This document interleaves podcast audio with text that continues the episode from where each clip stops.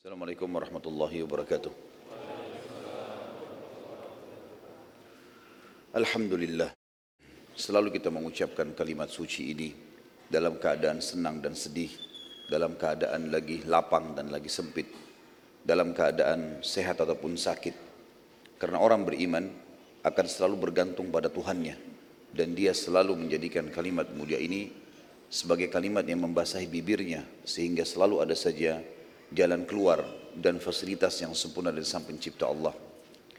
Juga kita panjatkan salam hormat kita, salawat dan taslim yang telah diperintahkan oleh sang pencipta Allah agar diucapkan selalu setiap saat untuk manusia yang telah disempurnakan jalur nasabnya, fisiknya dan ilmunya dan dinobatkan menjadi penutup para nabi dan rasul serta sang pencipta Allah menjanjikan bagi siapa pun yang membacakan salam hormat kepada manusia terbaik ini akan dibalas langsung oleh sang pencipta sepuluh kali salam yang berarti akan diberikan rahmat dan karunia dari sang pencipta.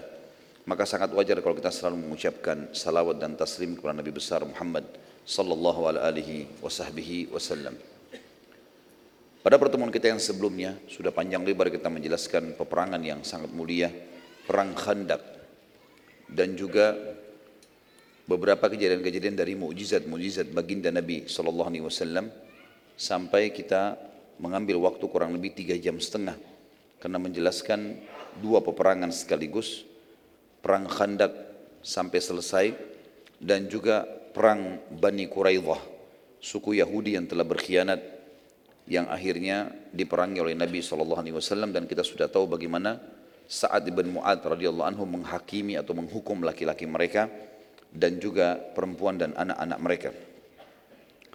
Tentu teman-teman sekalian, setelah selesai perang Khandak ini, ada banyak sekali suku-suku Arab tadinya yang ikut partisipasi. Induknya adalah Quraisy, Sulaim, dan Ghatafan.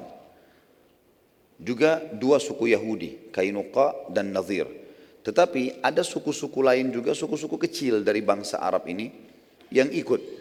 Dan kita lihat setelah bubarnya perang Ahzab, selesainya pasukan Ahzab terbubarkan dengan hikmah Allah dengan angin topan yang Allah kirim dengan musim dingin. Dan juga masuk Islamnya Naim bin Mas'ud radhiyallahu anhu yang akhirnya memecah belahkan pasukan Ahzab sehingga mereka terkalahkan. Maka Nabi SAW bersabda dengan kalimat mulia mulai hari ini Quraisy tidak akan pernah memerangi kita lagi tapi kita yang akan memeranginya. Nabi SAW mengajarkan kepada kita sebuah hukum syariat yang penting sekali. Yaitu menghukum orang-orang yang pernah menyerang muslimin. Selain daripada hukum syariat yang sudah kita jelaskan juga pada pertemuan sebelumnya. Kalau pengkhianat, ya pengkhianat agama yang membahayakan muslimin hukumnya dikisos, dipenggal, dibunuh. Ya. Sebagaimana Nabi SAW mendukung pendapat Sa'ad bin Mu'ad pada saat mengeluarkan hukum 700 pasukan perang suku Quraidah dibunuh. Kala kali ini kita akan bahas insya Allah ke depannya upaya Nabi SAW menghukum suku-suku Arab yang ikut partisipasi dalam perang Ahzab. Satu persatu. Oleh Nabi SAW diserang untuk menunjukkan kemuliaan Islam. Dan sudah kita titik beratkan juga pertemuan yang sebelumnya. Kalau setiap orang muslim bergerak berusaha ya, maka pasti Allah SWT akan berkahi. Apalagi dalam membela agama Allah sang pencipta. Tidak usah melihat jumlah kita berapa sesederhana pun sebagai sesederhana, sesederhana apa pun senjata kita yang jelas Allah akan berikan kemenangan kalau kita ikhlas dalam membela agamanya. Dan itu kita sudah lihat dalam rentetan histori sejarah perang jihad dari zaman Nabi SAW sampai akhir jihad. Kapan pun itu terjadi mungkin sampai menjelang hari kiamat. Jumlah muslimin umumnya selalu lebih sedikit senjata lebih sederhana tapi Allah berikan kemenangan mereka justru karena ya keimanan mereka yang paling pertama setelah kejadian perang Ahzab yang terjadi pada bulan Syawal dan itu selesai di akhir di akhir bulan Zulhijjah. Maaf di di di akhir bulan Zulkaadah. Karena kan orang Quraisy mengepung Madinah itu 41 atau 43 hari, sekitar satu bulan setengah. Jadi mereka masuk di bulan Syawal awal Syawal mereka pergi meninggalkan tempat itu kurang lebih di pertengahan Zulkaadah.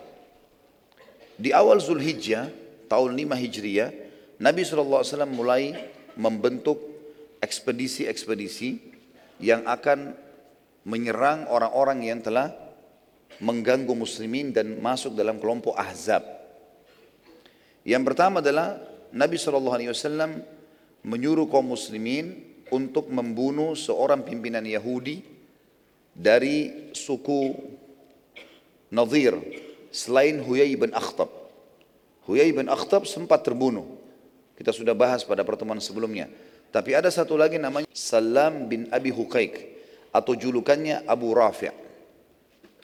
Orang ini termasuk otak bersama dengan sahabatnya Huyai bin Akhtab untuk membentuk pasukan Ahzab sehingga diseranglah Madinah pada saat itu. Maka Huyai bin Akhtab sudah mati, temannya dia. Tinggal dia ini yang harus dibunuh. Karena dia menjadi otaknya. Dan Abu Rafi ini punya banyak keburukan. Sebelum terjadi perang Ahzab pun, setiap kali dia mendapatkan ada suku Arab yang siap dibayar, yang penting kacauin Madinah, ganggu muslimin, penyair-penyair yang bisa merusak nama Nabi SAW, melantunkan syair yang menghina Islam, atau ada penari-penari perempuan yang bisa menari lalu menghina dengan tariannya, dengan lagunya, dengan lantunan lagunya muslimin, maka dibiayai oleh orang ini. Maka Nabi SAW di bulan Zulhijjah, di awal Zulhijjah, tahun 5 Hijriah, tepatnya di tahun yang sama terjadi perang Khandak atau perang Ahzab, beliau bersabda kepada para sahabat, Siapakah yang bisa menyelesaikan urusannya Abu Rafi' Salam tadi bin Baik. Maka ada dua riwayat Bukhari menjelaskan kepada kita. Tentu teman-teman sekalian Ada satu juga kepala Yahudi Namanya Ka'ab bin Ashraf. Orang ini telah dibunuh oleh orang-orang Aus Suku Aus.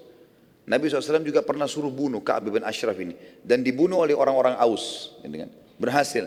Dan ternyata betul, setelah mati kepala-kepala suku atau pemimpin-pemimpin kelompok-kelompok atau gerombolan yang buruk ini, maka semua bawahannya berhenti untuk menyerang. Tidak lagi menyebarkan masalah untuk muslimin. Karena yang bunuh Ka'ab bin Ashraf dan Nabi SAW puji orang-orang yang membunuh dari suku Aus, maka kali ini suku Khazraj. Sudah sering saya ulangi, Ansar dari terdiri dari dua suku, Aus dan Khazraj. Maka mereka ini setelah Islam dinamakan Ansar. Sebelum Islam mereka selalu bertempur yang satu sama yang lain. Suku Aus berhasil menjalankan perintah Nabi membunuh Ka'ab bin Ashraf, salah satu orang Yahudi yang paling berbahaya juga, yang sangat berbahaya bagi muslimin. Sekarang Khazraj mengatakan ya Rasulullah, dulu kan Aus yang membunuh Ka'ab bin Ashraf. Sekarang Salam bin Abi Hukai, biarkan kami yang bunuh. Abu Rafi ini izinkan kami. Kata Nabi SAW, baiklah. Maka Nabi SAW mengatakan, siapa yang akan pergi? Berdiri lima orang dari suku Khazraj. Yang pertama dan ini sahabat yang berhasil nanti menjalankan misi adalah Abdullah bin Abi Atiq. Abdullah bin Abi Atiq radhiyallahu anhu. Kemudian datang yang kedua Mas'ud bin Sinan. Mas'ud bin Sinan. Kemudian Abdullah bin Unais. Abdullah bin Unais. Kemudian Abu Qatada Al-Harith bin Rabi' Abu Qatada Al-Harith bin Rabi' Nanti saya akan ulangi namanya. Kemudian ada satu orang bukan dari Khazraj tapi sekutunya Khazraj. Ada suku satu suku yang suku Arab ini sekutunya Khazraj. Satu orang dari mereka ikut namanya Khuza'a atau Khuzai bin Aswad. Khuzai bin Aswad. Jadi empat orang murni dari suku Khazraj, Abdullah bin Abi Atiq, kemudian Mas'ud bin Sinan, kemudian Abdullah bin Unais, Kemudian Abu Qatada Al-Harith bin Rabi' Jadi empat orang ini dari suku Khazraj. Abdullah bin Abi Atiq, Mas'ud bin Sinan, Abdullah bin Unais, dan Abu Qatada Al-Harith bin Rabi' Lalu didukung dengan satu orang sekutunya Khazraj bernama Khuza'ah atau Khuzai bin Aswad. Abdullah bin Abi Atiq ditunjuk oleh Nabi SAW untuk menjadi pimpinan ekspedisi ini. Jalankan. Rasulullah SAW menitip pesan kepada mereka. Ingat, tugas kalian membunuh Salam bin Abi Hukaik saja. Tidak boleh bunuh perempuan, tidak boleh bunuh orang lain, tidak boleh rusak fasilitas umum, apa saja. Jangan buat kerusakan. Targetnya satu orang itu. Terbunuh, sudah selesai tugas kalian. Pada saat itu kebetulan Salam bin Abi Hukaik, karena dia dari suku Nadir, dan mereka sudah dikeluarkan oleh Nabi SAW dari Madinah, mereka bertempat di Khaybar. Khaybar sebuah kota yang besar. Bahkan Khaybar pada saat itu lebih besar dari kota Madinah. Banyak sekali di situ orang Yahudi yang tinggal dua suku dan mereka berkembang biak serta juga ya mereka memiliki perkebunan yang sangat besar sebagaimana nanti kita akan lihat dan kita bahas panjang lebar di perang Khaybar. Masuklah pada saat itu kelima orang sahabat ini dan mereka memantau pada saat sudah masuk ke dalam benteng mereka memantau rumah-rumah penduduk menunggu sampai rumah penduduk semuanya sudah tertutup di malam hari sudah dipadamkan lampu-lampu mereka kalau zaman zaman sekarang zaman dulu Eh, dipadamkan api-api mereka, sumbu-sumbu api mereka. Kemudian pergilah kelima orang sahabat ini mengetuk rumahnya Abu Rafi' Setelah mengetuk, istrinya membuka. Lalu istrinya bertanya, karena ini Abu Rafi' kepala suku. Biasanya kepala suku atau raja itu, Salam bin Abi Hukak ini, dia uh, sering membantu orang, royal, dermawan lah. Gitu ya, supaya namanya harum di tengah-tengah masyarakat. Maka istrinya mengatakan untuk buka pintu, siapa kalian ini? Kepada lima orang sahabat ini. Mereka bilang, kami adalah orang-orang kafilah Arab yang sedang membutuhkan bantuan bekal makanan. Maka berkatalah istrinya Salam, masuklah, temui suami saya. Maksudnya disuruh masuk ke ruang tamu gitu. Maka pada saat mereka masuk ke ruang tamu, sempat salah seorang sahabat bertanya, rumah ini seperti apa? Ditanya kepada istrinya, si Salam oh ini kamar saya, ini gini. Dia tidak dia polos menyampaikan begitu saja. Maka para sahabat tahu di mana kamar tidurnya Salam. Tiba-tiba tanpa pakai menunggu, ada satu orang sahabat menunggu di pintu utama rumah untuk menjaga istrinya Salam supaya tidak keluar, melaporkan kepada orang Yahudi, kemudian yang empat masuk ke dalam kamar tidurnya. Dan mereka mengatakan di dalam hadis Bukhari, kami demi Allah menemukan kamar Salam sangat gelap dan kami tidak bisa melihatnya kecuali karena memang kulitnya sangat putih. Jadi orangnya sangat putih dan gagah sekali. Saking putihnya sampai kami melihat dia di posisi tempat tidurnya seperti kain putih yang sedang digantung di sebuah tembok yang hitam. Maka tanpa menunggu satu kesempatan pun sahabat ini rame-rame menusukkan ya pedang-pedang mereka menghantamkan mereka dan Abdullah bin Atik Abdullah bin Abi Atik pimpinan ekspedisi, ini yang menusuk ke dadahnya sampai akhirnya Abdullah bin Salam meninggal dunia. Mati. Istrinya sempat menangis, teriak-teriak. Lalu sahabat yang depan pintu hampir melepaskan pedangnya tapi dia mengingat pesan Nabi SAW tidak boleh bunuh wanita. Maka kelimanya pun akhirnya keluar dari rumah Salam kemudian melarikan diri pulang ke Madinah dan berhasil melakukan ekspedisi ini. Dalam riwayat Bukhari yang lain diceritakan, Nabi SAW saya sholat lima waktu di masjid, tidak disebutkan tentu sholatnya sholat apa di sini. Yang jelas dari satu sholat, selesai sholat, salah satu dari lima waktu sholat wajib. Nabi SAW berkata, siapa yang akan menyelesaikan urusannya Abu Rafi untukku? Abu Rafi untukku. Abdullah bin Abi Atik mengatakan, ini tentu versi yang berbeda. Tapi sama, kasusnya adalah membunuh Salam bin Abi Hukain. Kata Abdullah bin, Abi Atik, saya Rasulullah, saya akan membunuhnya. Kata Nabi SAW, pergilah dan bawalah beberapa teman-temanmu. Maka pergilah mereka dan berlima tadi orang ini. Pergi. Mereka pergi sampai mereka mendekati benteng Khaybar. Dan tahu ini adalah bentengnya Salam atau Abu Rafi. Mereka pun menunggu di luar dan mereka menunggu, mendengar, mencari mencari informasi, mendengar di sekitar benteng. Ada suara yang menyebutkan Abu Rafi, Abu Rafi sampai mereka mengetahui ini adalah rumahnya Abu Rafi.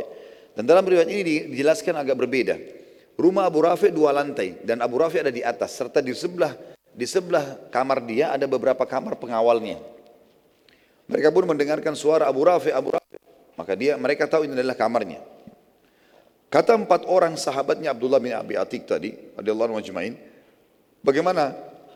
Kami mau istirahat dulu sudah malam. Mungkin besok kita pikirkan bagaimana cara menyerang. Kata Abdullah radhiyallahu silakan, kalian istirahat saja.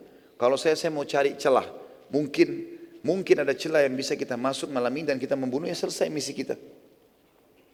Maka keempat orang istirahat di ada hutan uh, semacam pembohonan, kebun-kebun kurma di luar benteng Khaybar. Mereka istirahat di situ. Abdullah bin Abi Atik tunggu depan gerbang sambil memikirkan bagaimana caranya bisa masuk ke tempatnya Abu Rafi ini. Dengan hikmah Allah pada saat itu tiba-tiba terdengar gemuruh dalam benteng dan suara karena mereka menggunakan bahasa Arab orang-orang Yahudi ini karena mereka berbau dengan orang Arab sebagaimana saya jelaskan pertemuan yang lalu. Maka mereka mengatakan untahnya raja kita Abu Rafi sedang hilang. Untahnya Abu Rafi sedang hilang. Maka berbondong-bondong masyarakat dalam benteng itu keluar. Jumlahnya banyak. Anak kecil perempuan laki-laki orang tua masih orang muda semuanya pada keluar. Pegang obor tujuannya untuk mencari ya, untanya Abu Rafi Kata Abdullah bin Abi Atiq, saya temukan di pintu gerbang ada dua atau empat orang penjaga sangat jeli. Dia menghafal wajahnya orang-orang yang tinggal dalam benteng. Dia menghafal wajahnya orang-orang yang dalam benteng. Maka dia tahu kalau ini pendatang. Kata Abdullah, saya tidak temukan kesempatan untuk masuk ke dalam benteng lebih lebih tepat daripada sekarang. Karena lagi ramai. Dia bilang saya tutup wajah saya, Kemudian saya menyelip bersama orang-orang yang pada saat mereka sudah temukan unta, Abu Rafi mereka masuk. Lalu saya dengarkan di telinga saya di kiri kanan pintu gerbang ini, penjaga mengatakan cepatlah, cepatlah, jangan ada penyelip yang masuk. Kata Abdullah saya pun masuk, begitu orang-orang pada masuk saya temukan ada di dekat pintu gerbang kandang keledai.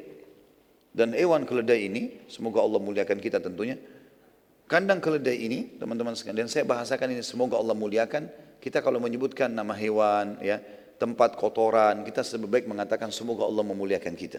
Doa agar Allah SWT memuliakan tidak menjadi seperti tempat-tempat dan kita tahu keledai ini adalah hewan yang disebutkan dalam Al-Quran. Suaranya sangat mungkar. Ya. Dan haram dimakan kalau keledai yang hidup bersama manusia.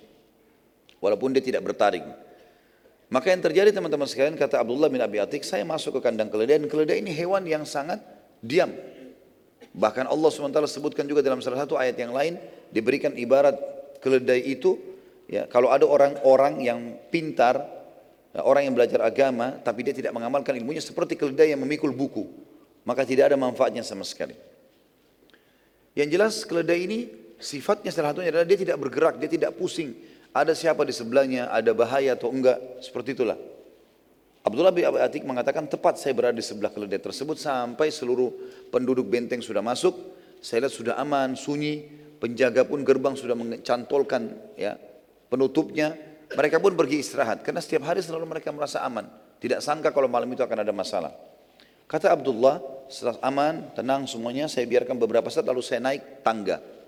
Kemudian saya masuk menuju ke arah yang tadi dianggap rumahnya Salam bin Abi Hukaik atau Abu Rafi ini. Dia bilang saya pun menutup pintu-pintu rumah-rumah yang di kamar-kamar di sekitarnya pintu-pintu pengawal jadi pintunya mereka kalau mau pergi jauh biasanya ditaruh ada cantolan, digembokin gitu yang ditutup. Kayak zaman sekarang, zaman zaman zaman sekarang sudah ada juga kunci ya. Zaman dulu juga begitu. Mereka pasang besi, mereka cantol dan mereka gembokin. Yang jelas eh, Abdullah mengatakan saya menutup semua ruangan-ruangan di sebelah ruangan Abu Rafi, lalu saya masuk.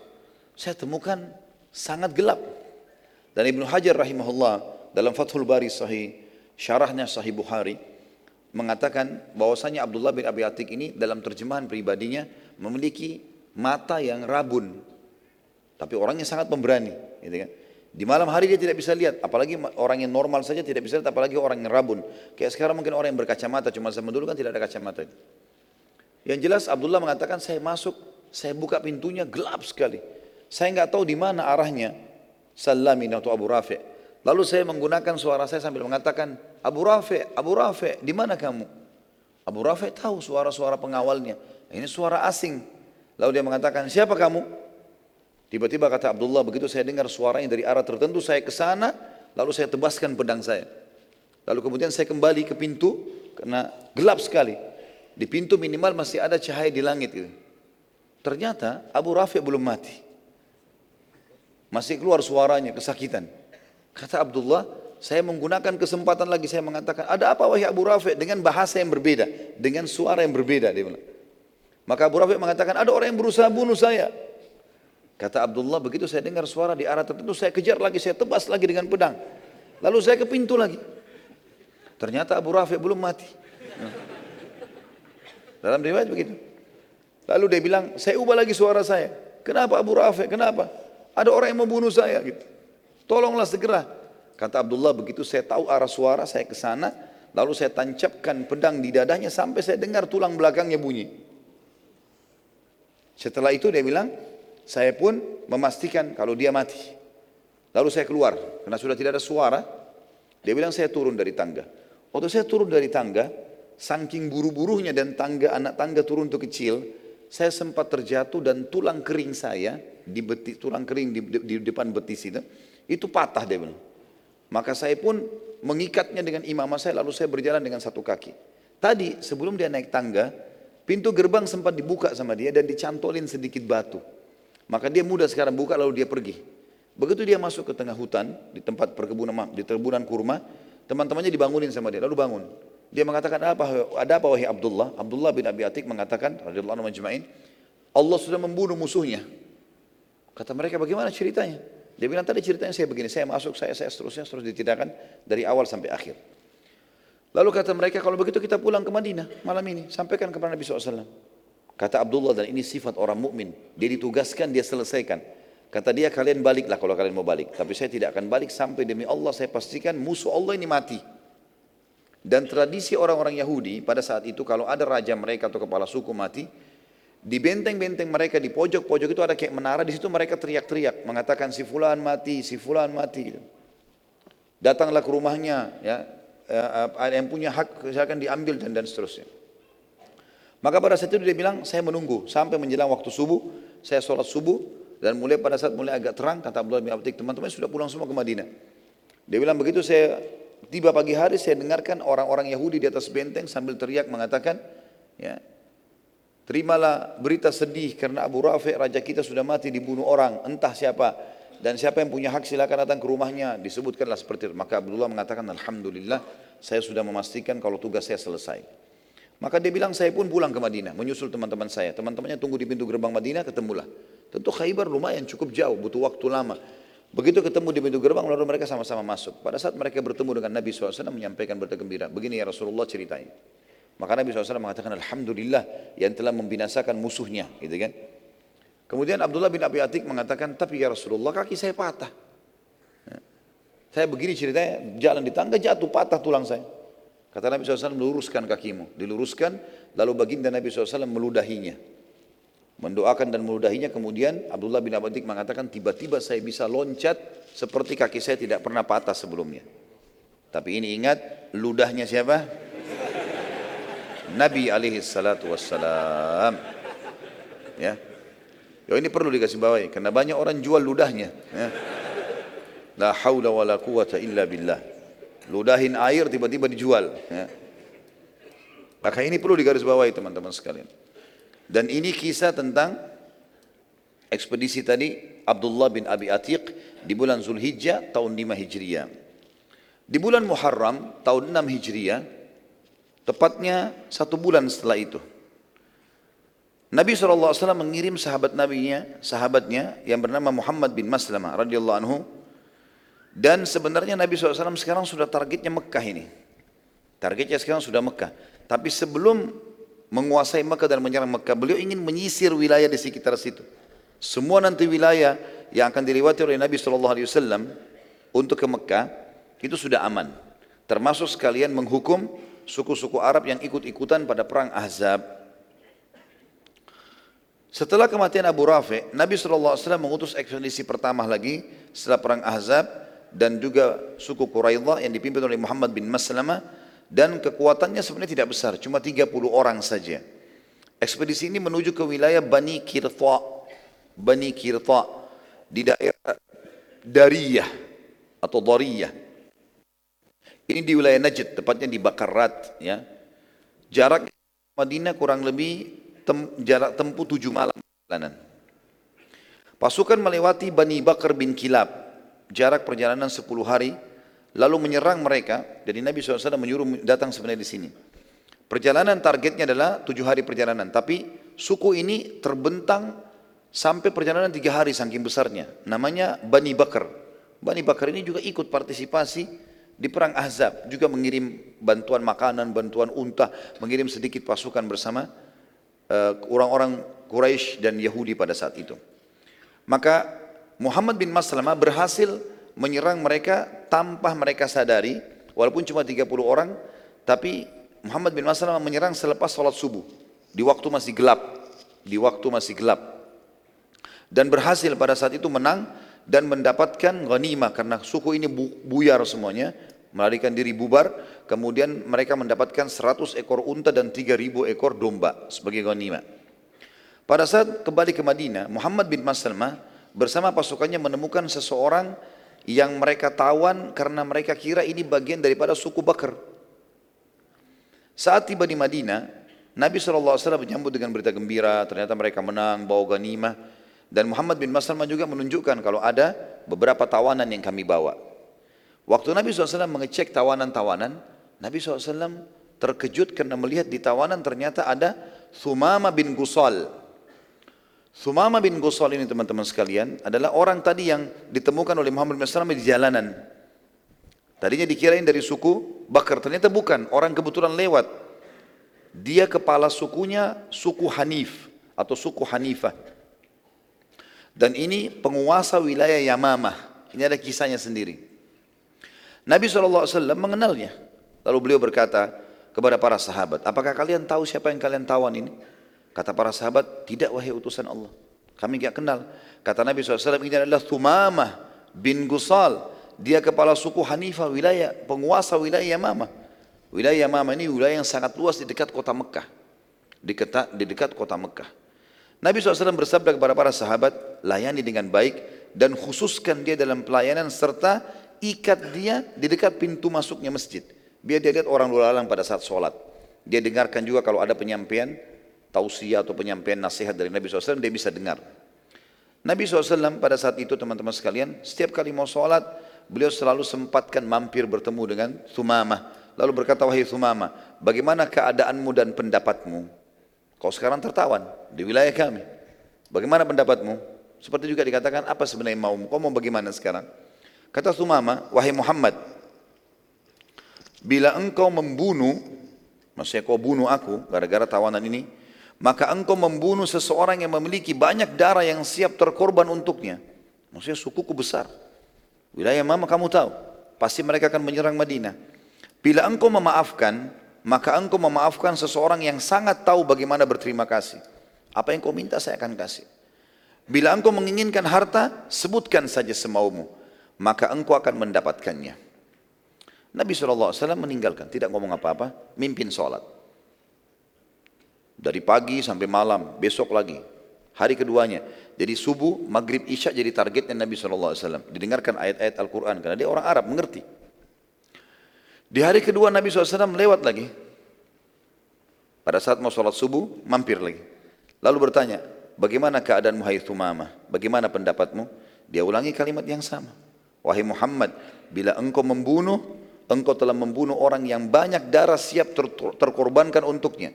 Bila kau memaafkan, engkau telah memaafkan seseorang yang sangat tahu bagaimana berterima kasih. Bila engkau menginginkan harta, sebutkan saja, maka engkau akan mendapatkannya. Nabi SAW tinggalkan, hari kedua. Kemudian Sumama melihat, mendengarkan ayat Al-Quran, melihat bagaimana para sahabat pada saat pulang, mereka berpelukan, mereka salaman, saling menanyakan kabar. Dan yang paling membuat dia kagum adalah bagaimana muamalahnya sahabat dengan para tawanan. Sumama kepala suku, dia tahu bagaimana berperang.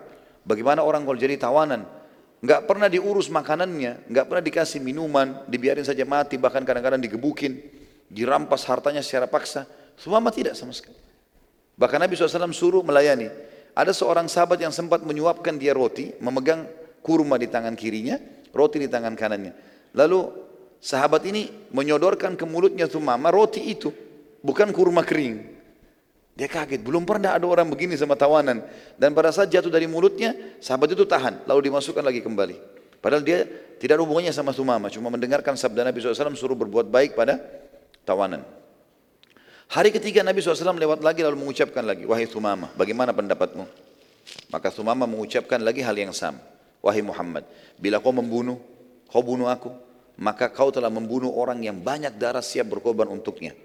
Bila kau memaafkan, kau memaafkan orang yang sangat tahu bagaimana berterima kasih. Bila kau mau harta, sebutkan saja.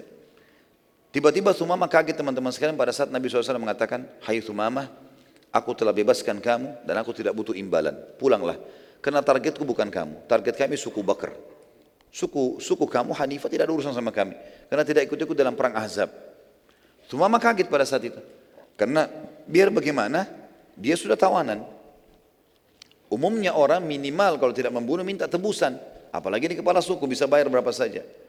Sumama akhirnya keluar dari kota Madinah merenungi kejadian tersebut. Dia mentaduburi ayat-ayat Al-Quran yang dia dengarkan dalam tiga hari. Dia mendengarkan beberapa tausiah Nabi SAW, penyampaian wasiat beliau. Dia melihat bagaimana reaksi para sahabat bermuamalah dengan para tawanan. Bagaimana mereka saling menyapa satu sama yang lain. Dia berpikir ini nggak mungkin salah. Ini pasti agama yang benar. Lalu dia kembali ke Madinah lagi. Kemudian dia mendatangi Nabi SAW. Dia mengatakan, Hai Muhammad, bagaimana caranya untuk menganut agamamu? Kata Nabi SAW, ucapkan asyhadu an la ilaha illallah wa anna Muhammad Rasulullah. Sederhana, syahadat. Kata dia, demi Allah wahai Muhammad. Saat aku tertawan di sini, tidak ada wajah yang lebih aku benci dari wajahmu. Agama dari agamamu dan negeri lebih dari negerimu. Dan sekarang aku ucapkan asyhadu an la ilaha illallah wa anna Muhammad Rasulullah. Demi Allah wahai utusan Allah, sekarang engkau orang yang paling aku cintai. Agamamu adalah agama yang paling paling paling aku junjung dan negerimu negeri yang paling aku rindukan. Aku sekarang akan balik ke kaumku, sarankan aku wahai utusan Allah. Apakah aku balik ke kaumku atau aku lanjutkan umrah yang telah aku niatkan sebelum tertawan. Jadi ternyata Sumama ini waktu ditawan oleh Muhammad bin Maslamah, dia lagi menuju ke Mekah mau umrah, tapi dengan tradisi jahiliyah, penyembah berhala gitu kan. Ditawan, tadinya Muhammad bin Maslamah mengira dia dari suku Bakar. Kata dia, apakah saya lanjutkan umrah atau saya kembali ke kaum saya? Ada pilihan lain riwayatnya mengatakan atau saya tinggal sini belajar. Nabi SAW bersabda pada Sumama, lanjutkan saja umrohmu. Tapi sesuai dengan tuntunan Islam. Lalu Sumama mulai bertanya, bagaimana tuntunan Islam? Diajarkanlah. Di antaranya talbiyah yang tidak boleh ditambah dengan talbiyah syirik. Labbaik Allahumma labbaik, labbaik la syarika lak labbaik, innal hamda wa ni'mata lakal mulk la syarika lak. Sampai situ. Ini adalah talbiyah sunnah yang sahih. Ini ajaran Nabi Ibrahim AS, ajaran Nabi Muhammad AS.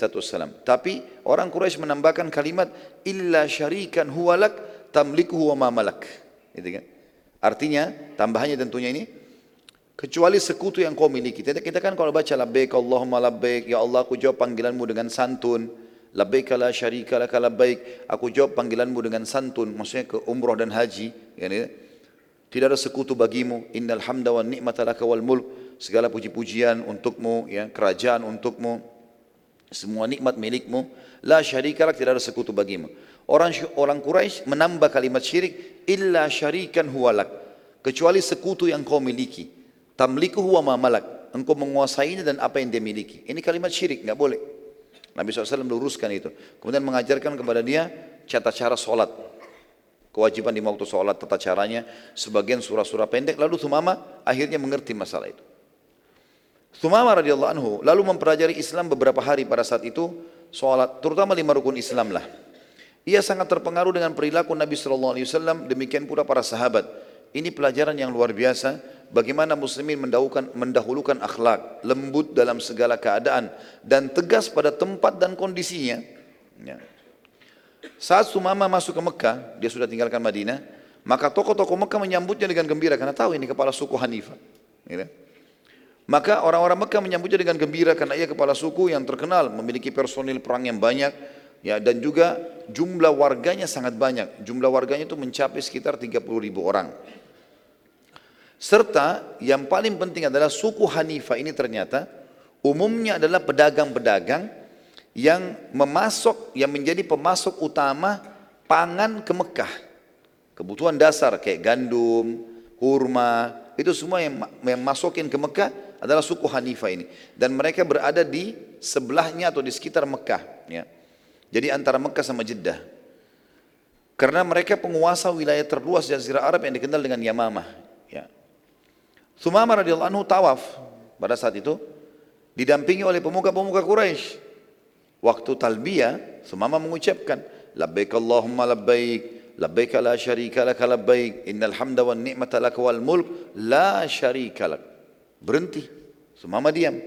Dan orang-orang Quraisy tahu selama 13 tahun muslimin di Mekah, pada saat mereka tawaf, mereka melengkapkan ini. Mereka membaca sampai sini. Dan bedanya antara mereka dengan muslimin karena tidak ada tambahan kalimat terakhir illa syarikan huwalak tamliku wa malak. Maka orang-orang Quraisy, tokoh-tokoh Quraisy bertanya, "Hai Sumama, kenapa kau enggak lanjutkan talbiyahmu?" Maka Sumama ya, pada saat itu menjawab, "Memang apa tambahannya?" Kata mereka kan kau sudah tahu. Kenapa harus bertanya? Apa kau sudah menganut agamanya Muhammad dan meninggalkan nenek moyangmu juga? Maka kata Sumama, ya, saya sudah masuk Islam. Asyhadu an la ilaha illallah wa anna Muhammad Rasulullah. Tiba-tiba pemuka Quraisy marah. Ditawan Sumama ini. Ditawan, diikat, tawan. Suku Hanifah mengetahui berita kalau kepala sukunya ditahan nih. Maka mereka pun datang mengunjungi Sumama di Mekah. Lalu Sumama memerintahkan mereka untuk memboikot asopan pangan semuanya ke Mekah. Maka sukunya pun mengikutinya. Walaupun sebenarnya sukunya dalam keadaan kafir sama dengan Quraisy. Belum masuk Islam, mereka belum tahu itu. Beberapa hari saja semua asopan gandum, kurma, segala macam nggak ada yang bisa masuk ke Mekah. Karena ditahan dan pasukan pasukan Bani Hanifah menahan juga suku-suku Arab lain untuk masuk ke Mekah. Dalam hitungan 4-5 hari saja sudah kehabisan pangan mereka. Kehidupan mereka makan roti, buku tepung, gandum. Ini nggak bisa sama sekali. Maka akhirnya mereka pun datang kepada Thumama dan meminta maaf dan janji akan melepaskan Thumama. Tapi perhatikan teman-teman sekalian, orang subhanallah yang masuk Islam ikhlas karena Allah, apa yang dilakukan Thumama dengan keimanannya waktu itu, walaupun baru masuk Islam beberapa hari dia bilang, saya akan memaafkan kalian, tapi dengan syarat, kalian harus minta izin kepada Nabi SAW. Hubungi Madinah dulu. Kalau Muhammad, Nabi SAW izinkan saya melepaskan pangan lagi masuk, saya akan lepaskan. Kalau enggak, enggak bakalan. Orang-orang Quraisy jadi kaget ini. Gimana sekarang? Terhina sekali. Mereka harus hubungi Madinah untuk supaya ini masuk lagi asopan. Dan luar biasa bagaimana Allah menolong agamanya hanya dengan satu orang ini. Gitu kan. Maka akhirnya terpaksa orang-orang Quraisy mengirim seseorang di sana datang kemudian menyampaikan tentang kejadian Sumama bin Gusal. Lalu Nabi SAW tersenyum sambil mengatakan, baiklah, kalau begitu saya lepaskan. Gitu kan. Sebelumnya tentu ada Abu Sufyan yang datang. Jadi orang Quraisy utus Abu Sufyan langsung kepala suku mereka datang ke Madinah. Abu Sufyan datang. Yang tadinya ini pemimpin perang Ahzab nih. Ya. Sekarang dia datang, dia masuk ke Madinah, dia izin baik-baik. Lalu dia mengatakan, aku memohon pada Muhammad Muhammad, berbuat baiklah pada kaum kerabat dan sukumu. Izinkan suku Hanifah membuka pemboikotan mereka pada Mekah. Akhirnya Nabi SAW mengizinkan dan pada saat itu tersebarlah berita satu jazirah Arab kalau Quraisy ternyata memohon dari Nabi SAW dan muslimin juga kota Madinah agar mendapatkan makanan mereka dan ekonomi mereka sekarang berada di tangan kaum muslimin berada di tangan kaum muslimin. Insya Allah sebentar kita lanjutkan lagi dengan lanjutannya ada perang suku As'ad Allahu alam. Subhanakallahumma bihamdika syirra la ilaha anta atubu wassalamualaikum warahmatullahi wabarakatuh.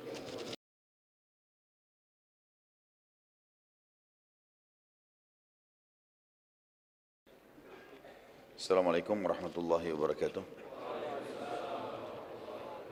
Alhamdulillah wassalatu wassalamu ala Rasulillah. Segala puji bagi Allah Subhanahu wa taala juga salawat dan taslim kepada Nabi besar Muhammad sallallahu alaihi wa sahbihi wasallam.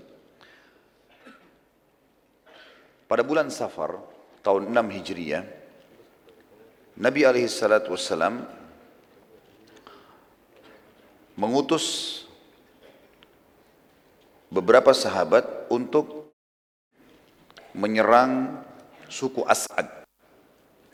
Dan suku As'ad ini termasuk salah satu suku yang bergabung di pasukan Ahzab. Dan pimpinan mereka bernama Tuwalayha bin Khuwailid al-Uzdi. Nabi SAW sempat mengutus kepada mereka 40 pasukan kuda yang dan memilih Ukasha bin Muhsin radhiyallahu anhu agar memerangi mereka. Tentu Uqasyah bin Muhsin terkenal dengan uh, keterampilan menunggang kuda dan pedang dan pedangnya dan dia sering dijadikan oleh Nabi SAW pemimpin dalam peperangan. Dan dialah yang sempat hadis yang masyhur waktu Nabi SAW mengatakan 70 ribu dari umatku masuk surga tanpa hisab. Lalu kemudian Uqasyah mengatakan doakan saya termasuk salah satu 70 ribu itu ya Rasulullah. Kata Nabi SAW kau termasuk dari 70 ribu itu. Dan ada sahabat lain yang mengatakannya Rasulullah doakan saya juga. Kata Nabi kau telah didahului oleh Ukasha. Ya. Ukasha bin Muhsin radhiyallahu anhu pergi 40 orang. Hal ini Nabi SAW memilih dia karena Ukasha sendiri dari suku As'ad. Ini sukunya dia. Tapi sukunya tidak masuk Islam tentunya. Maka pada saat tiba di sana dia sangat tahu seluk beluknya dan akhirnya dia mengatur strategi perang dan ternyata Ukasha berhasil dengan kelihannya radhiyallahu anhu menyerang suku As'ad. Dan waktu dia menyerang, setelah sholat subuh ternyata di pemukiman kosong. Dan yang ada cuma 10 orang. Dan 10 orang ini berhasil ditawan oleh Ukasha. Ya. Ternyata sudah kosong, tidak ada lagi harta, tidak ada lagi orang, semuanya sudah kosong. Ini semua disebabkan karena suku As'ad telah mendengar kalau muslimin sudah mulai menghukum siapa pun yang ikut di perang Ahzab. Karena mereka ketakutan akhirnya mereka melarikan diri dari pemukiman mereka. Dan mereka buat pemukiman di tempat lain tapi Allah alam di mana. Yang jelas salah satu dari tawanan dari sepuluh itu mengatakan, Wahai Ukasha, mau enggak saya menunjukkan kepadamu di mana hartanya suku As'ad. Tapi dengan syarat, kamu lepaskan saya, bebaskan saya. Kata Ukasha, baiklah. Akhirnya jalanlah pasukan muslimin 40 orang ini dengan tawanan tersebut. 10 orang, salah satunya ikut. Semua 10 ikut tapi yang satu ini di depan menunjukkan jalan. Karena terlalu jauh, jauh masuk ke padang pasir ke dalam. Maka Ukasha jadi khawatir, jangan sampai orang ini menipu. Lalu dia kemudian kembali mengancam si ya, tawanannya mengatakan, jujurlah atau kepalamu akan aku penggal. Maka orang itu pun mengatakan, percayalah, saya tidak berdusta dan buktikan sendiri. Akhirnya teman-teman sekalian, betul-betul mereka tiba di sebuah lembah, ada gunung besar, dan di belakang gunung itu ada lembah yang agak curam, agak dalam. Dan kata dia, di belakang inilah semua harta kami letakkan. Waktu Ukasha ke sana betul-betul ditemukan ternyata betul lembah itu penuh dengan unta, kambing, kemudian harta-harta mereka banyak ditimbun di situ dan suku mereka melarikan diri jauh dari tempat itu. Maka Ukasha pun memenuhi janjinya melepaskan orang tersebut lalu membawa ganima yang sangat banyak. Dan ini pelajaran juga teman-teman sekalian. Kita kalau lihat Pasukan-pasukan Nabi SAW tidak selamanya besar. Jumlahnya selalu kecil saja umumnya. Kebanyakan pasukan-pasukan kecil diutus 30 orang, 10 orang. Tadi kita lihat misalnya waktu membunuh Abu Rafi' Nabi cuma utus 5 orang. Tayammum punya keterampilan. Setelahnya diutus 10 orang. Ini diutus 40 orang. Gitu kan. Dan kita lihat juga nanti ada pasukan Nabi SAW jumlahnya 200 orang. Jadi pasukan tidak terlalu besar sebenarnya. Tapi Selalu memang umat Islam memperlihatkan kalau mereka punya kekuatan. Sehingga musuh itu tidak berani untuk mengganggu kaum muslimin sebagaimana keadaan sekarang ini karena umat Islam banyak lalai akhirnya musuh mau melakukan apa saja itu mereka bisa lakukan gitu. Selanjutnya ada peperangan juga tepatnya di bulan Jumadil Ula tadi bulan Safar beberapa bulan setelah itu di bulan Jumadil Ula Nabi SAW juga memerangi Bani Lihyan suku Lihyan Suku Lihyan ini agak berbeda sedikit. Mereka tidak ada hubungannya sama perang Ahzab. Tapi kalau teman-teman ingat, pelajaran kita di pekan di bulan yang lalu, ada penjelasan tentang beberapa suku dari Lihyan ini datang pura-pura masuk Islam di Madinah. Kemudian mereka meminta beberapa sahabat Nabi penghafal Quran diminta diantar ke sukunya. Ternyata pada saat tiba di wilayah dekat Quraisy, mereka berkhianat. Mereka menjual sahabat ini ya, kepada suku-suku yang akhirnya menjual lagi sahabat ini ke orang-orang Quraisy dan akhirnya ada enam orang sahabat yang terbunuh pada saat itu. Suku Lehyan ini di antaranya salah satunya Asim. Ya, kalau masih ingat ada kisah Asim radhiyallahu anhu orang yang pernah uh, dijanjikan oleh keturunannya Bani Abdiddar ada satu perempuan di Mekah yang mengatakan siapa yang bisa membunuh Asim karena dia banyak dia membunuh beberapa orang yang memegang bendera Eh, Quraisy di perang Uhud. Maka saya akan bersihkan batoknya lalu kemudian saya akan isikan dengan emas. Ya. Kurang lebih seperti itulah. Yang jelas suku Bani Yahyan ini yang yang menjadi pengkhianat tadi. Nabi SAW pada saat itu membawa 200 pasukan personil pada saat itu dan ini dikatakan gazwah. Kalau tadi sebelumnya sariyah. Kalau masih ingat istilah-istilah ini tentu teman-teman sekalian, sariyah adalah pasukan tiga orang sampai kurang lebih 100 atau 200 orang diistilahkan dengan sariyah dan ini umumnya Nabi SAW tidak ikut. Tapi kalau Nabi SAW ikut walaupun jumlahnya sedikit dinamakan gazwah. Kalau pasukan besar Nabi tidak ikut lebih dari 1000 orang, 500 orang namanya ma'rakah. Ibnu Qayyim rahimahullah menceritakan Rasulullah SAW menuju ke Bani Lihyan enam bulan setelah perang Bani Quraidah kurang lebih enam bulan setelah perang Bani Quraidah ya. Yang kita sudah sebutkan perang Bani Quraidah sebelumnya. Rasulullah SAW hendak menyerang Bani Lahyan dengan membawa 200 personel pasukan dan beliau memimpin sendiri. Makanya dinamakan Gazwa. Dan wilayah yang beliau tuju, beliau iklankan akan menyerang negeri Syam. Padahal Nabi SAW tidak menginginkan negeri Syam. Ini salah satu strategi perang Nabi SAW. Beliau mengiklankan wilayah tertentu, tapi beliau tidak berbohong. Betul-betul beliau menuju ke wilayah itu. Tapi kemudian beliau dari sana mengatur strategi untuk menyerang musuh yang jadi target. Pada saat itu Nabi SAW mengamanahkan kota Madinah agar menjadi pemimpin pengganti beliau Abdullah bin Ummi Maktum radhiyallahu anhu. Tepatnya tiba di sebuah lembah namanya Guran dan sekarang ini di, di pemerintahan Saudi namanya wilayah Khulais. Kurang lebih jaraknya 87 km dari kota Madinah. Salah satu lembah yang terdekat dengan wilayah Lehyan. Lembah tersebut terletak antara Amaj dan Usfan, tempat beberapa sahabat yang sempat gugur karena pengkhianatan. Karena itu Nabi SAW sempat mampir dan mendoakan mereka, para sahabat tadi dan memohon ampun dan rahmat untuk mereka. Bani Lihyan mengetahui kedatangan Nabi SAW dengan mata-mata mereka, maka mereka melarikan diri ke puncak-puncak gunung dan Nabi SAW pada saat masuk ke pemikiran mereka tidak menemukan satu orang pun. Dan gunung jauh di padang pasir mereka melarikan diri. Maka Nabi SAW sempat tinggal selama dua hari di tempat mereka untuk menunjukkan kekuatan kaum muslimin.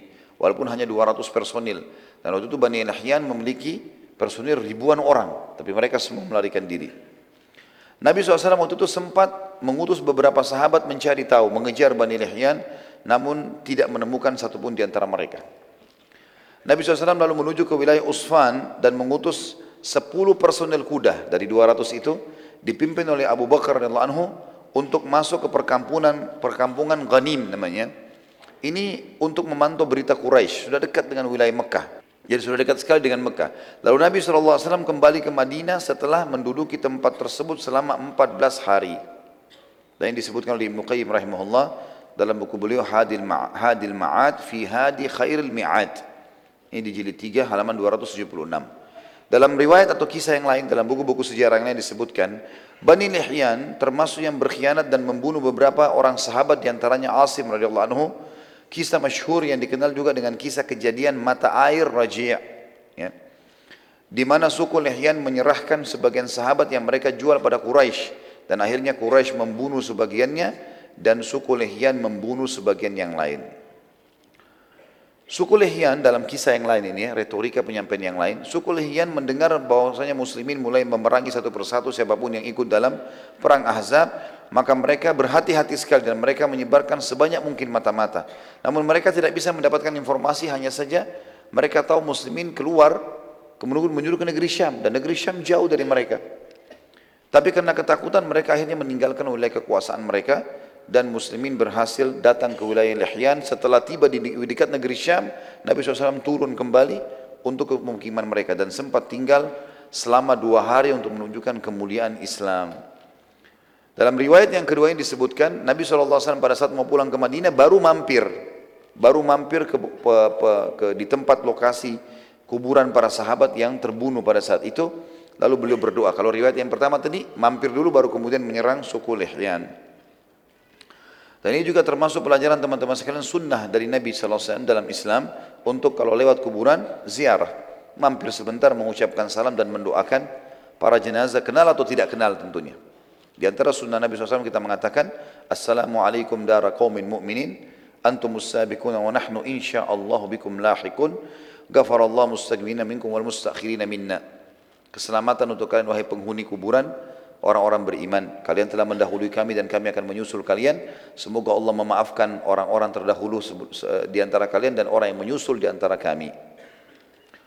Beliau SAW juga sempat dalam riwayat ini sama juga dengan riwayat pertama mengutus 10 orang personel dipimpin oleh Abu Bakar radhiyallahu anhu. Kalau tadi riwayat pertama menjelaskan cuma sampai ke lembah Ghanim. Sudah dekat wilayah Mekah, tapi belum masuk Mekah. Riwayat kedua menjelaskan Abu Bakar Rasulullah Nabi SAW masuk ke wilayah haram, masuk ke wilayah Mekah. Masuk ke wilayah haram, berarti sudah masuk ke Mekah. Tidak buat apa-apa, hanya sekedar menampakkan diri pada Quraisy. Beberapa saat orang-orang Quraisy bingung melihat, kalau sudah ada begini dengan pasukan perang walaupun cuma 10 orang berarti ada pasukan besar di belakangnya. Tugasnya cuma itu saja. Kemudian Abu Bakar disuruh balik lagi berkumpul dengan pasukan muslimin. Dan ini strategi perang Nabi SAW. Ada beberapa strategi perang Nabi SAW karena kita sedang berbicara dari tadi pagi sampai sekarang ini bicara masalah peperangan maka selalu memang manfaat-manfaat faedahnya kita bicara masalah itu. Termasuk strategi perang Nabi SAW, beliau selalu menyerang wilayah yang sudah terdengar akan menyerang beliau. Beliau tidak pernah menunggu. Kecuali kepepet. Kayak kasus Ahzab, mereka tiba-tiba sudah bentuk pasukan dan memang sudah berjalan. Maka Nabi SAW melawan dan bertahan. Selebihnya bertawakal kepada Allah subhanahu wa ta'ala.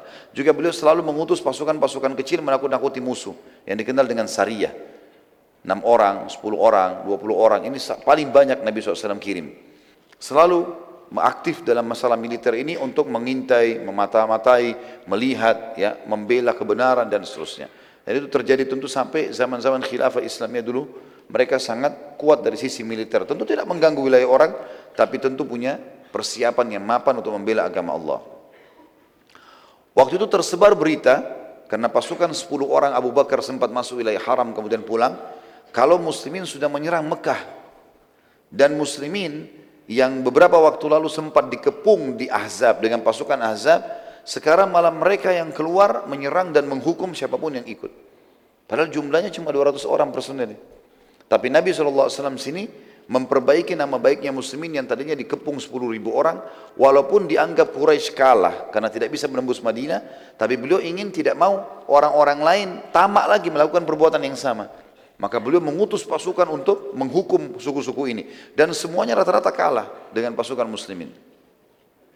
Pada saat balik ke Madinah, Nabi SAW sempat mampir ke sebuah tempat namanya Rabwah. Rabwah. Rabwah sebuah wilayah, kurang lebih 80 km dari kota Mekah. Dan pada saat itu beliau menghampiri sebuah kuburan yang sangat tua. Dan kata Abu Bakar dan Umar radhiyallahu anhuma, kami melihat Nabi SAW menangis terisak-isak yang belum pernah kami lihat beliau menangis seperti itu kecuali pada saat melihat jenazahnya pamannya Hamzah di Uhud. Maka kami pun bertanya ya Rasulullah, kuburan siapa ini? Lalu Nabi SAW menjawab mengatakan ini kuburan ibuku. Sesungguhnya aku telah meminta kepada Allah agar uh, menziarahi kuburan ibuku dan aku diizinkan dan aku memohon ampun untuk ibuku dan Allah tidak mengizinkannya. Selanjutnya ada juga gazwa yang lain adalah gazwa Dzikird. Perang ini teman-teman sekalian tertuju untuk menyerang suku Gatafan. Gatafan kalau masih ingat kalau teman-teman yang ikut tadi bahasan kita di pagi, perang Khandak atau perang Ahzab ada beberapa induk-induk suku yang memang paling besar personilnya.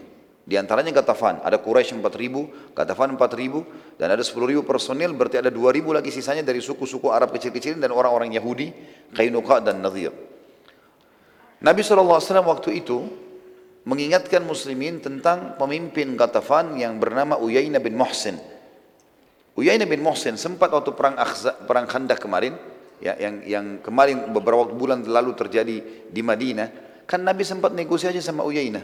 Kalau masih ingat tadi pagi kan saya jelaskan, maka pernah negosiasi, pulang saja kamu, jangan ikut perang-perang sama Azab, kami akan kasih kamu seperempat hasil Madinah. Nggak mau dia. Dalam setahun kamu ambil seperempat hasil kembali. Nggak mau. Negosiasi sampai setengah. Tapi karena waktu sudah setuju dengan setengah, Nabi SAW serahkan kepada Sa'ad ibn Mu'ad dan Sa'ad ibn Ubadah anhuma, dua pimpinan uh, pimpinan Madinah, Ansar. Kalau mereka setuju, kalau kalian setuju silahkan berikan. Tapi ternyata keduanya menolak dan menanyakan ya Rasulullah, apakah ini wahyu atau hanya keinginan anda pribadi atau strategi perang? Kata Nabi SAW, tentunya ini bukan wahyu. Ini juga bukan keinginan saya karena saya tidak mau. Kemudian beliau mengatakan ini hanya strategi perang. Maka Sa'ad ibn Ubadah dan Sa'ad ibn Mu'ad radhiyallahu anhu mengatakan ya Rasulullah demi Allah Gatafan sebelum kami masuk Islam jangankan sudah masuk Islam sebelum masuk Islam mereka tidak pernah mendapatkan satu butir kurma dari kami kecuali mereka beli atau kami yang memberi gitu kan maka demi Allah sekarang kami tidak akan kasih sama sekali yang mereka miliki hanya pedang saja Suku Katafan ini teman-teman sekalian memang akan diserang oleh Nabi SAW. Rencananya begitu. Karena mereka termasuk pasukan yang bergabung di Ahzab. Tapi belum saatnya sekarang. Hanya saja terjadi perang atau gazwa Zikrit ini. Karena ini Zikrit nama wilayah ya. Wilayah. Karena rupanya Uyainah bin Muhsin ini yang diberikan julukan Nabi SAW si bodoh yang dipatuhi.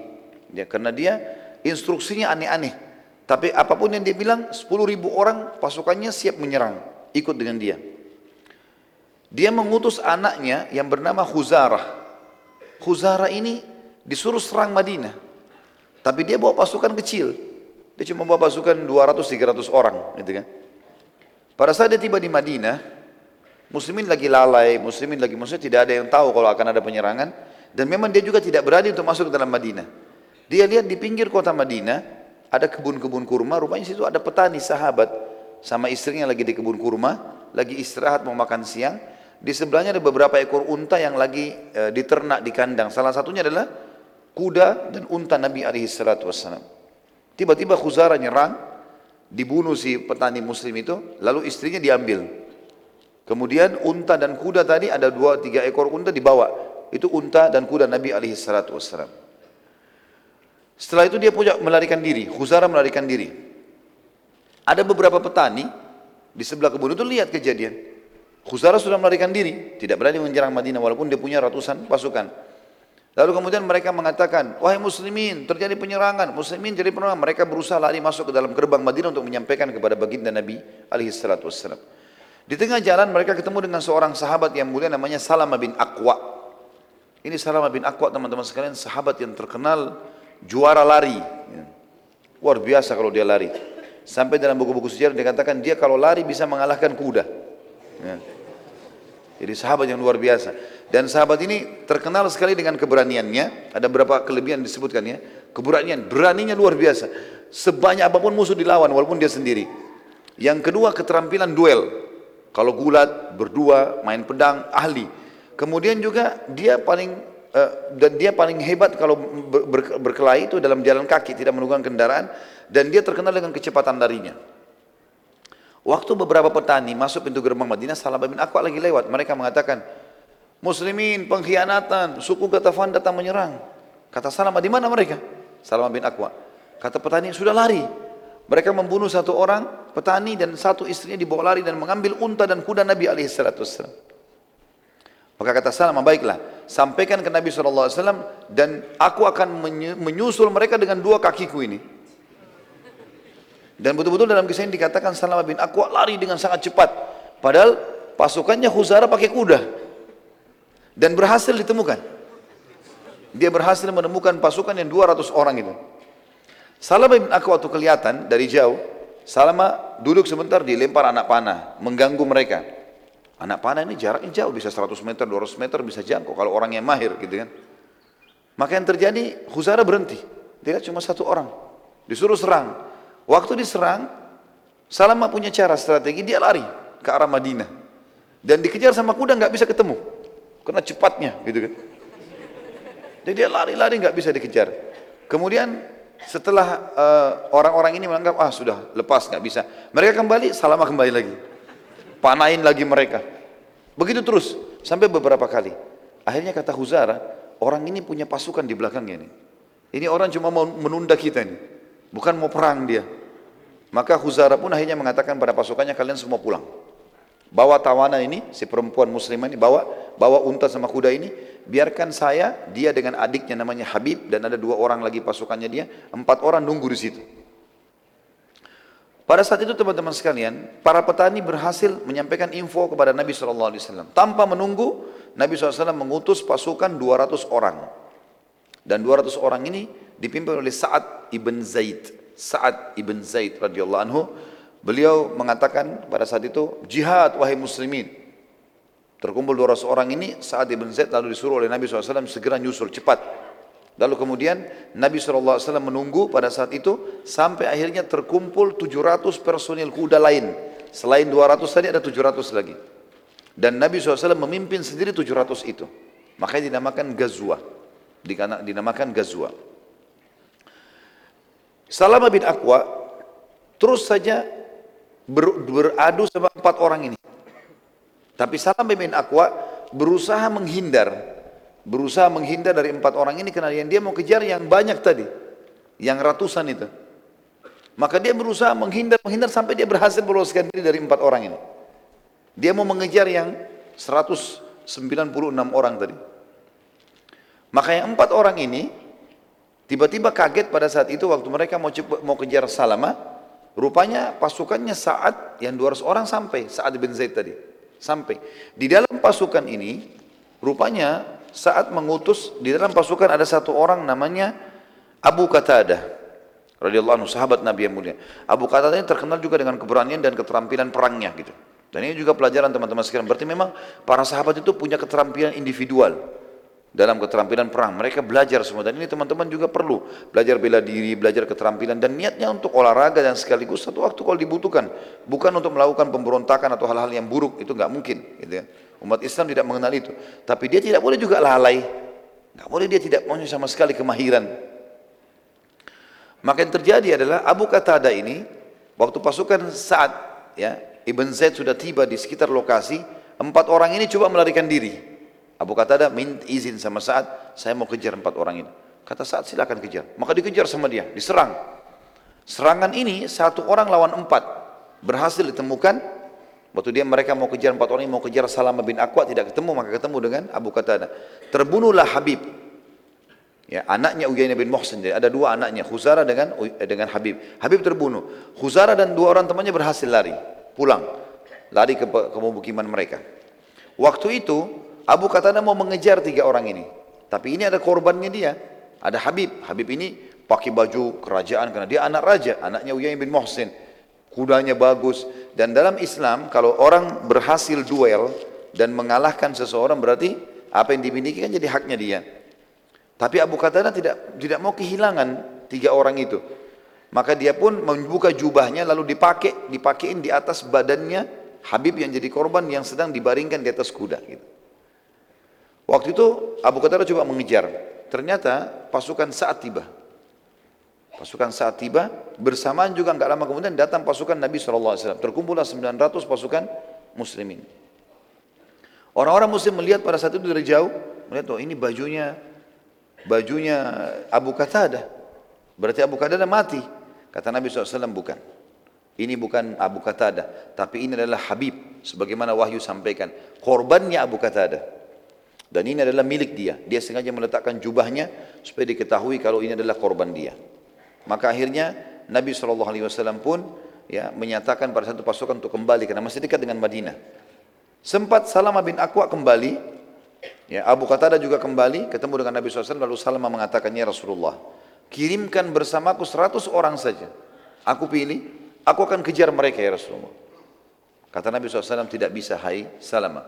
Sungguh mereka telah tiba di tempat mereka sebelum kau mendapatkannya. Jadi ada wahyu menyampaikan tidak bisa. Dan ini juga kejelian Nabi SAW karena beliau tahu di suku Gatafan sangat jauh dari Madinah dan mereka punya 10 ribu personil. Gak mungkin dikalahkan dengan 100 orang. Maka beliau sekarang mengajak para sahabat untuk kembali ke Madinah, ngatur strategi perang yang lain. Karena Kadafan belum jadi target sekarang, belum jadi target. Penutupan dalam perang atau Ghazwa Zikir ini, ada seorang sahabiat tadi, masih ingat istrinya petani yang diambil jadi tawanan. Tibalah di suku Kadafan. Sahabat ini punya cerita sendiri. Dia bilang waktu tiba di situ malam hari, suku Kadafan semuanya pada istirahat. Saya melihat untah Nabi SAW. Ada unta Nabi di situ. Maka saya pun naik di atas unta Nabi. Lalu saya berdoa kepada Allah, Ya Allah, aku tidak tahu jalan menuju ke Madinah. Dan aku sedang ditawan oleh musuh-musuhmu. Maka tuntunlah unta ini agar sampai ke Madinah. Kata wanita ini, saya pun naik di atasnya tanpa melihat jalan ke depan. Malam hari, jalan sendiri. Tiba-tiba saja di pagi hari, waktu terang matahari sudah sampai di pintu gerbang Madinah. Gitu. Dengan kuasa Allah, Allah selamatkan dia. Maka setelah sampai ke Madinah, dia mengatakan, bila Allah, waktu sebelum sampai di Madinah lagi perjalanan, dia mengatakan, bila Allah menyelamatkanku, maka aku akan menyembeli unta ini untuk Allah. Sampai di Madinah, perempuan ini sampai langsung puji Nabi SAW dan menyampaikan, ya Rasulullah, begini kejadiannya. Dan Alhamdulillah Allah selamatkan saya. Tapi saya punya nazar ya Rasulullah. Saya mau, kalau saya selamat, saya mau sembeli unta ini. Kata Nabi SAW, sungguh buruk balasanmu untuk unta ini. Dengan izin Allah dia telah menyelamatkanmu, lalu engkau menyembelihnya. Dari sisi lain, bagaimana bisa engkau menadarkan sesuatu sementara engkau tidak memilikinya? Ini untaku ini bukan untuk kamu. Bagaimana kau nadar mau sembelih? Gitu kan? Akhirnya dari sini juga keluar sebuah hukum syar'i dalam buku fikih kita, tidak boleh bernadar kepada hal yang bukan dimiliki. Kalau saya sembuh penyakit, saya mau sodokahin buahnya tetangga. Tidak boleh. Bukan punya dia. Bagaimana caranya? Jadi ini hukum syari karena seperti perempuan ini tadi lakukan. Kemudian selanjutnya ada ekspedisi di Khussah. Ya. Dipimpin oleh Muhammad bin Maslamah. Di Khussah. Ya. Menuju ke pemukiman suku Tha'labah. Dan juga suku Tha'labah ini termasuk orang yang partisipasi dalam perang Ahzab. Nabi SAW mengirim pasukan kecil yang dipimpin oleh Muhammad bin Maslamah, jumlahnya mereka 10 orang saja. Untuk mengetahui keadaan suku Tha'labah. Namun ternyata suku, eh, suku Tha'labah ini teman-teman sekalian telah mempersiapkan diri dan mereka sudah berjaga-jaga jauh dari wilayah mereka karena mereka sudah dengar Nabi SAW sudah menghukum orang-orang yang ikut dalam perang Ahzab. Muhammad bin Maslamah itu radhiyallahu anhu dan teman-temannya karena cuma 10 orang tidak menyangka kalau pasukan suku Tha'labah telah siaga sehingga mereka masih santai saja karena masih jauh dari wilayah suku Tha'labah. Kurang lebih perjalanan masih satu dua hari sampai ke sana. Itu suku Tha'labah rupanya sudah kirim mata-matanya ke sana. Dan diletakkan di tempat itu 100 orang dari suku Tha'labah. Maka waktu suku Tha'labah melihat Muhammad bin Maslamah dan mengetahui ini adalah pasukan muslimin walaupun 10 orang, maka tiba-tiba mereka menyerang dan semua yang bersama suku yang bersama Muhammad bin Maslamah mati terbunuh sembilan orang dan Muhammad bin Maslamah sendiri yang sempat selamat. Itu pun Muhammad bin Maslamah radhiyallahu terluka parah. Terluka parah. Dan Muhammad bin Maslamah menceritakan aku menutup kedua kelopak mataku seakan-akan aku adalah orang yang sudah meninggal dunia. Ya. kemudian mereka pun berusaha menendang menusukin dengan pedang memastikan kalau semua sudah mati.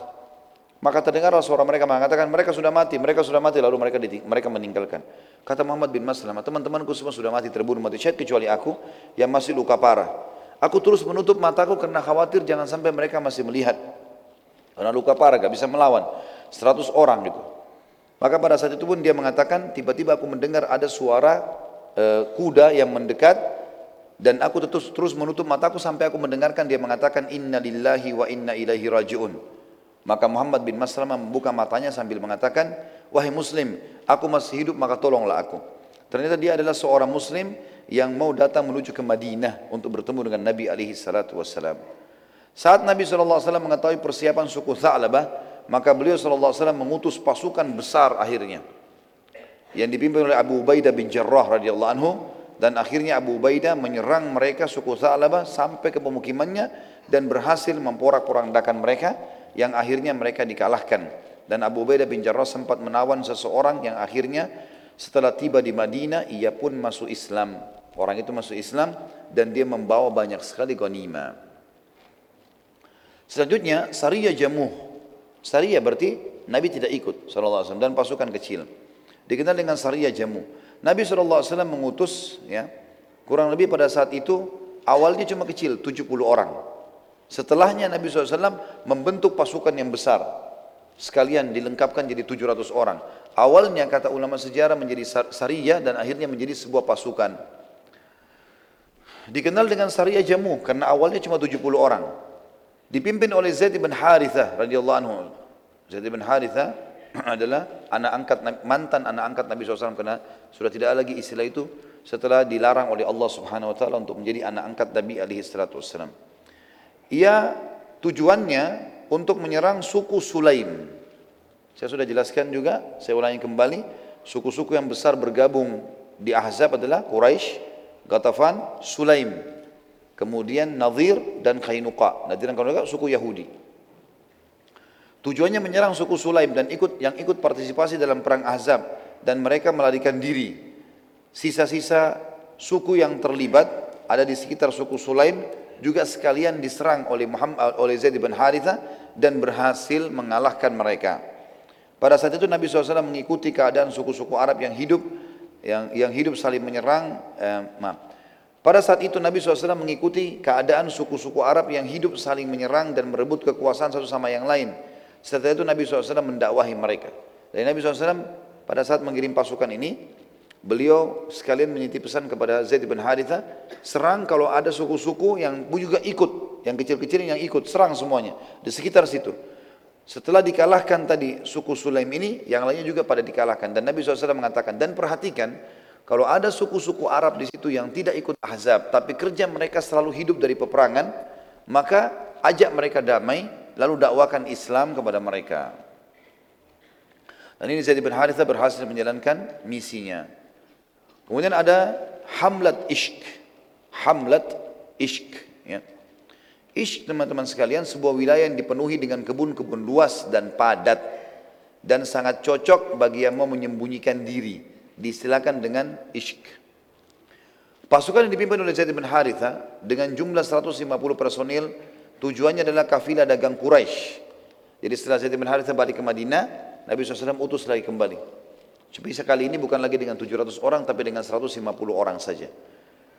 Tujuannya untuk menahan kafilah Quraisy ya, yang lewat di wilayah Ishq. Ishq ini ada dari negeri Syam menuju ke Mekah lewati Madinah. Di antara Madinah sama negeri Syam. Sebuah wilayah yang rindang sekali karena di situ ada lembah. Lembah itu sering menampung air hujan. Jadi kalau ada hujan sering menampung. Jadi ada mata-mata air sehingga membuat banyak pohon-pohon tumbuh di situ. Dikenal dengan wilayah Ishq. Pada saat itu teman-teman sekalian Zaid bin Haritha tujuannya diutus Nabi SAW untuk menahan kafilah Quraisy. Salah, pada saat itu berhasil. Kafilah Quraisy lewat diserang oleh Zaid bin Haritha dan berhasil mengambil kafilah tersebut dan menawan seseorang yang bernama Abul As. Siapa Abul As ini? Ini adalah anak mantu Nabi alaihi salatu. Suaminya Zainab radhiyallahu anha. Abul As. Jadi waktu Nabi SAW diutus jadi Nabi di Mekah, anak-anak beliau semua mengikrarkan syahadat, mengikrarkan Islamnya, ya mengikrarkan kenabian ayahnya, ya. Maksud saya di sini mengikrarkan kenabian ayahnya ya. Maka pada saat itu teman-teman sekalian, satu-satunya kerabat Nabi, maksudnya yang merupakan anak mantu beliau, yang tidak masuk Islam adalah Abul As. Ya. Maka Nabi SAW pisahkan dengan Zainab. Dipisahkan. Dan ini sebuah hukum syar'i. Kalau wanita muslimah Nggak boleh sama sekali sentuh orang laki-laki kafir. Walaupun dasarnya tadinya suami istri. Maka harus dipisahkan terlebih dahulu sampai suaminya masuk Islam. Gitu kan? Hukum syar'inya begitu. Terjadi pada anak Nabi SAW Zainab. Karena A, Abul As tidak mau masuk Islam maka Nabi pisahkan. Tapi masih status suami istri. Dipisahkan dalam kata tidak boleh berhubungan biologis di sini. Pada saat Nabi SAW bertakbir untuk sholat, karena dibawa Abul As ini dibawa ke Madinah. Rupanya Abul As ini tahu kalau Zainab ada dan Zainab belum menikah dengan muslimin. Walaupun sudah sekian tahun pisah. Kan sekarang kasusnya sudah tahun ke-6 Hijriah. Berarti sudah 6 tahun hijrah. Kasus dakwanya Nabi SAW di Mekah 13 tahun. Di awal Islam, di awal Islam, tahun pertama masa kenabian, jadi 13 tahun di Mekah tahun pertamanya, Abul As sudah tidak mau masuk Islam. Berarti Abul As sudah pisah sama Zainab lama sekali nih. 13 tahun di Mekah, tambah lagi 6 tahun di Madinah ini. Gitu kan? Sudah lama sekali, belasan tahun. Abul As tahu informasi kalau Zainab belum menikah. Maka dia pun mengirim informasi, minta tolong kepada muslim yang sedang menawannya, menjaganya. Sampaikan kepada Zainab salam saya dan tolong ya tebus saya. Minta supaya Zainab tebus.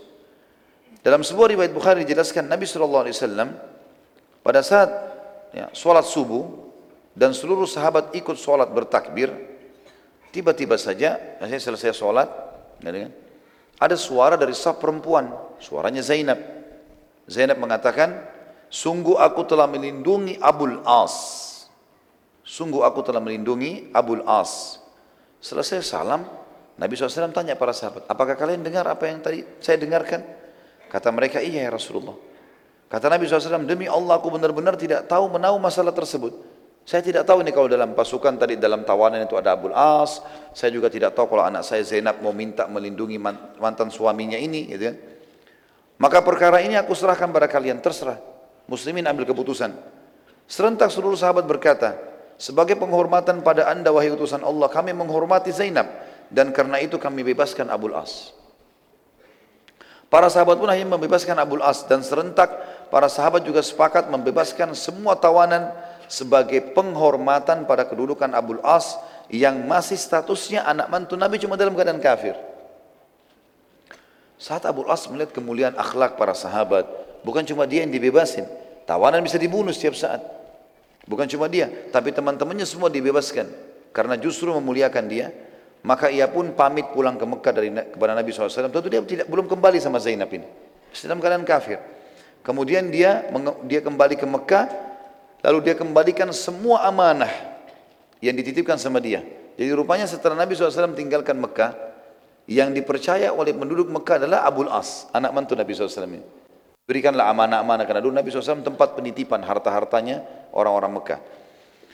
Maka Abul As mengembalikan semua seraya dia berkata, apakah masih ada hak kalian padaku, hai penduduk Mekah, hai Quraisy, penduduk Mekah, ya, yang mengamanakan harta kepada Abul As berkata, sudah semua dan kami selalu menemukanmu jujur dan juga menjaga amanah. Abul As berkata, ketahuilah wahai penduduk Mekah, asyhadu an la ilaha illallah wa anna Muhammad Rasulullah. Akhirnya Abul As masuk Islam pada saat itu. Kemudian dia kembali ke Madinah dan kemudian dia menyampaikan kepada Nabi SAW. Dia Nabi SAW lalu dia mengatakan lagi, ya Rasulullah, saya sudah masuk Islam, asyhadu an la ilaha illallah wa anna Muhammad Rasulullah. Dan pada saat itu Nabi SAW mengembalikan Abul As dengan Zainab. Spontan langsung jadi suami istri. Enggak melalui akad nikah lagi. Dan ini juga keluar sebuah hukum syar'i sebuah hukum syar'i di mana memang ya kalau orang dalam kondisi seperti ini suaminya kafir maka mereka dipisahkan secara biologis. Tapi kalau suami sudah masuk Islam maka disatukan lagi walaupun sudah berlalu beberapa tahun. Tentu secara hukum syar'i si muslimah ini kalau seandainya terpisahkan oleh suaminya ya dan dia mau menikah dengan laki-laki muslim ada syarat, ada hukum syar'inya juga. Terjadi beberapa sahabat-sahabat Nabi dari Mekah yang hijrah ke Madinah, suaminya mereka dalam kondisi kafir. Karena yang hijrah dari Mekah kan ada yang ada yang laki-lakinya muslim, istrinya tetap kafir seperti Abdurrahman bin Auf radhiyallahu anhu. Istrinya nggak mau masuk Islam, dia ke Madinah lalu dia menikah sama wanita Ansar. Ada juga penduduk Mekah aslinya mus, ya, penduduk Mekah asli perempuan masuk Islam, suaminya nggak mau, lalu mereka hijrah ke Madinah. Allah Subhanahu wa taala melarang mengembalikan mereka ke suami-suami mereka. Setelah mereka suaminya seperti menyampaikan isu yang tidak benar mengatakan Muhammad telah merebut istri-istri kami. Tapi firman Allah turun melarang tidak boleh mukminah kembali dikembalikan kepada laki-laki musyrik. Haram buat mereka itu, nggak boleh sama sekali. Maka ada beberapa sahabat yang sempat mau menikahi perempuan-perempuan dari Mekah ini. Keluarlah syariat pada saat itu Nabi SAW mengatakan, kalau kau mau nikahi, maka kembalikanlah mahar suaminya itu. Dari dulu suaminya kasih apa? Misalnya kasih, kalau Indonesia misalnya uang 10 juta, maka bayar 10 juta itu. Kembalikan kepada suami yang barulah terhitung cerai, boleh dinikahi. Boleh dinikahi. Ini bagian daripada hukum syariat Allah alam yang kita sebutkan. Baik sampai sini bahasan kita insya Allah dan kita akan lanjutkan nanti pertemuan akan datang dengan izin Allah. Gazwat Bani Mustalik. Gazwat Bani Mustalik akan kita bahas dengan izin Allah pada pertemuan kita yang akan datang. Tentu juga itu pertemuan uh, sebelum menjelang Ramadan nanti. Baik kita berdoa kepada Allah SWT semoga baris kita diberkahi olehnya dan dijadikan sebagai tambahan amal kita pada hari kiamat. Semoga seluruh amal yang pernah kita kerjakan dan akan kita kerjakan sampai menjelang ajal datang nanti semua diterima dengan kemahamurahannya dan semoga semua dosa yang pernah kita kerjakan sekecil sampai seberapa, sebesar apa pun diganti dengan kemahamurahannya menjadi pahala. Semoga orang yang sakit disembuhkan penyakitnya, yang tidak utang dilunasi utangnya, yang belum menikah dimudahkan menikah dengan wanita yang salehah dan laki-laki yang saleh bagi perempuannya dan semoga yang belum memiliki keturunan diberikan keturunan yang baik, yang saleh. Dan semoga saja yang sudah punya keturunan dijadikan anak-anak yang baik dan berbakti. Dan kita berdoa agar Indonesia menjadi negara yang aman, makmur, damai. Seluruh umat Islam berada di bawah naungan ukhuwah Islamiyah. Dan angkat perselisihan di antara mereka. Dan semoga saja seluruh Indonesia diberikan juga pemimpin muslim yang kembali kepada Al-Quran dan Sunnah. Dan semoga Indonesia menjadi contoh bagi negara lain. Tidak pernah lupa kita doakan saudara kita di Palestina, di Syria, di Yaman, di Irak, di Myanmar, di Ahsa, di mana pun mereka berada sedang tertindas semoga Allah ikhlaskan niat mereka terima para syuhada mereka mulakan Islam di tangan mereka dan tangan kita semua dan semoga Allah partisipasikan kita bersama mereka di pahala baik dengan doa dengan harta juga dengan jiwa kita dan semoga Allah dengan kemahamurahnya menyatukan kita semua di surga firdausnya tanpa hisab Subhanallah satu kali dari majlis ilmu yang mulia ini. Kalau benar dari Allah, kalau salah dari saya mohon dimaafkan. Subhanakallahumma bihamdika. Syahadu an la ilaha illa anta astaghfiruka wa atubu ilaik. Wassalamualaikum warahmatullahi wabarakatuh.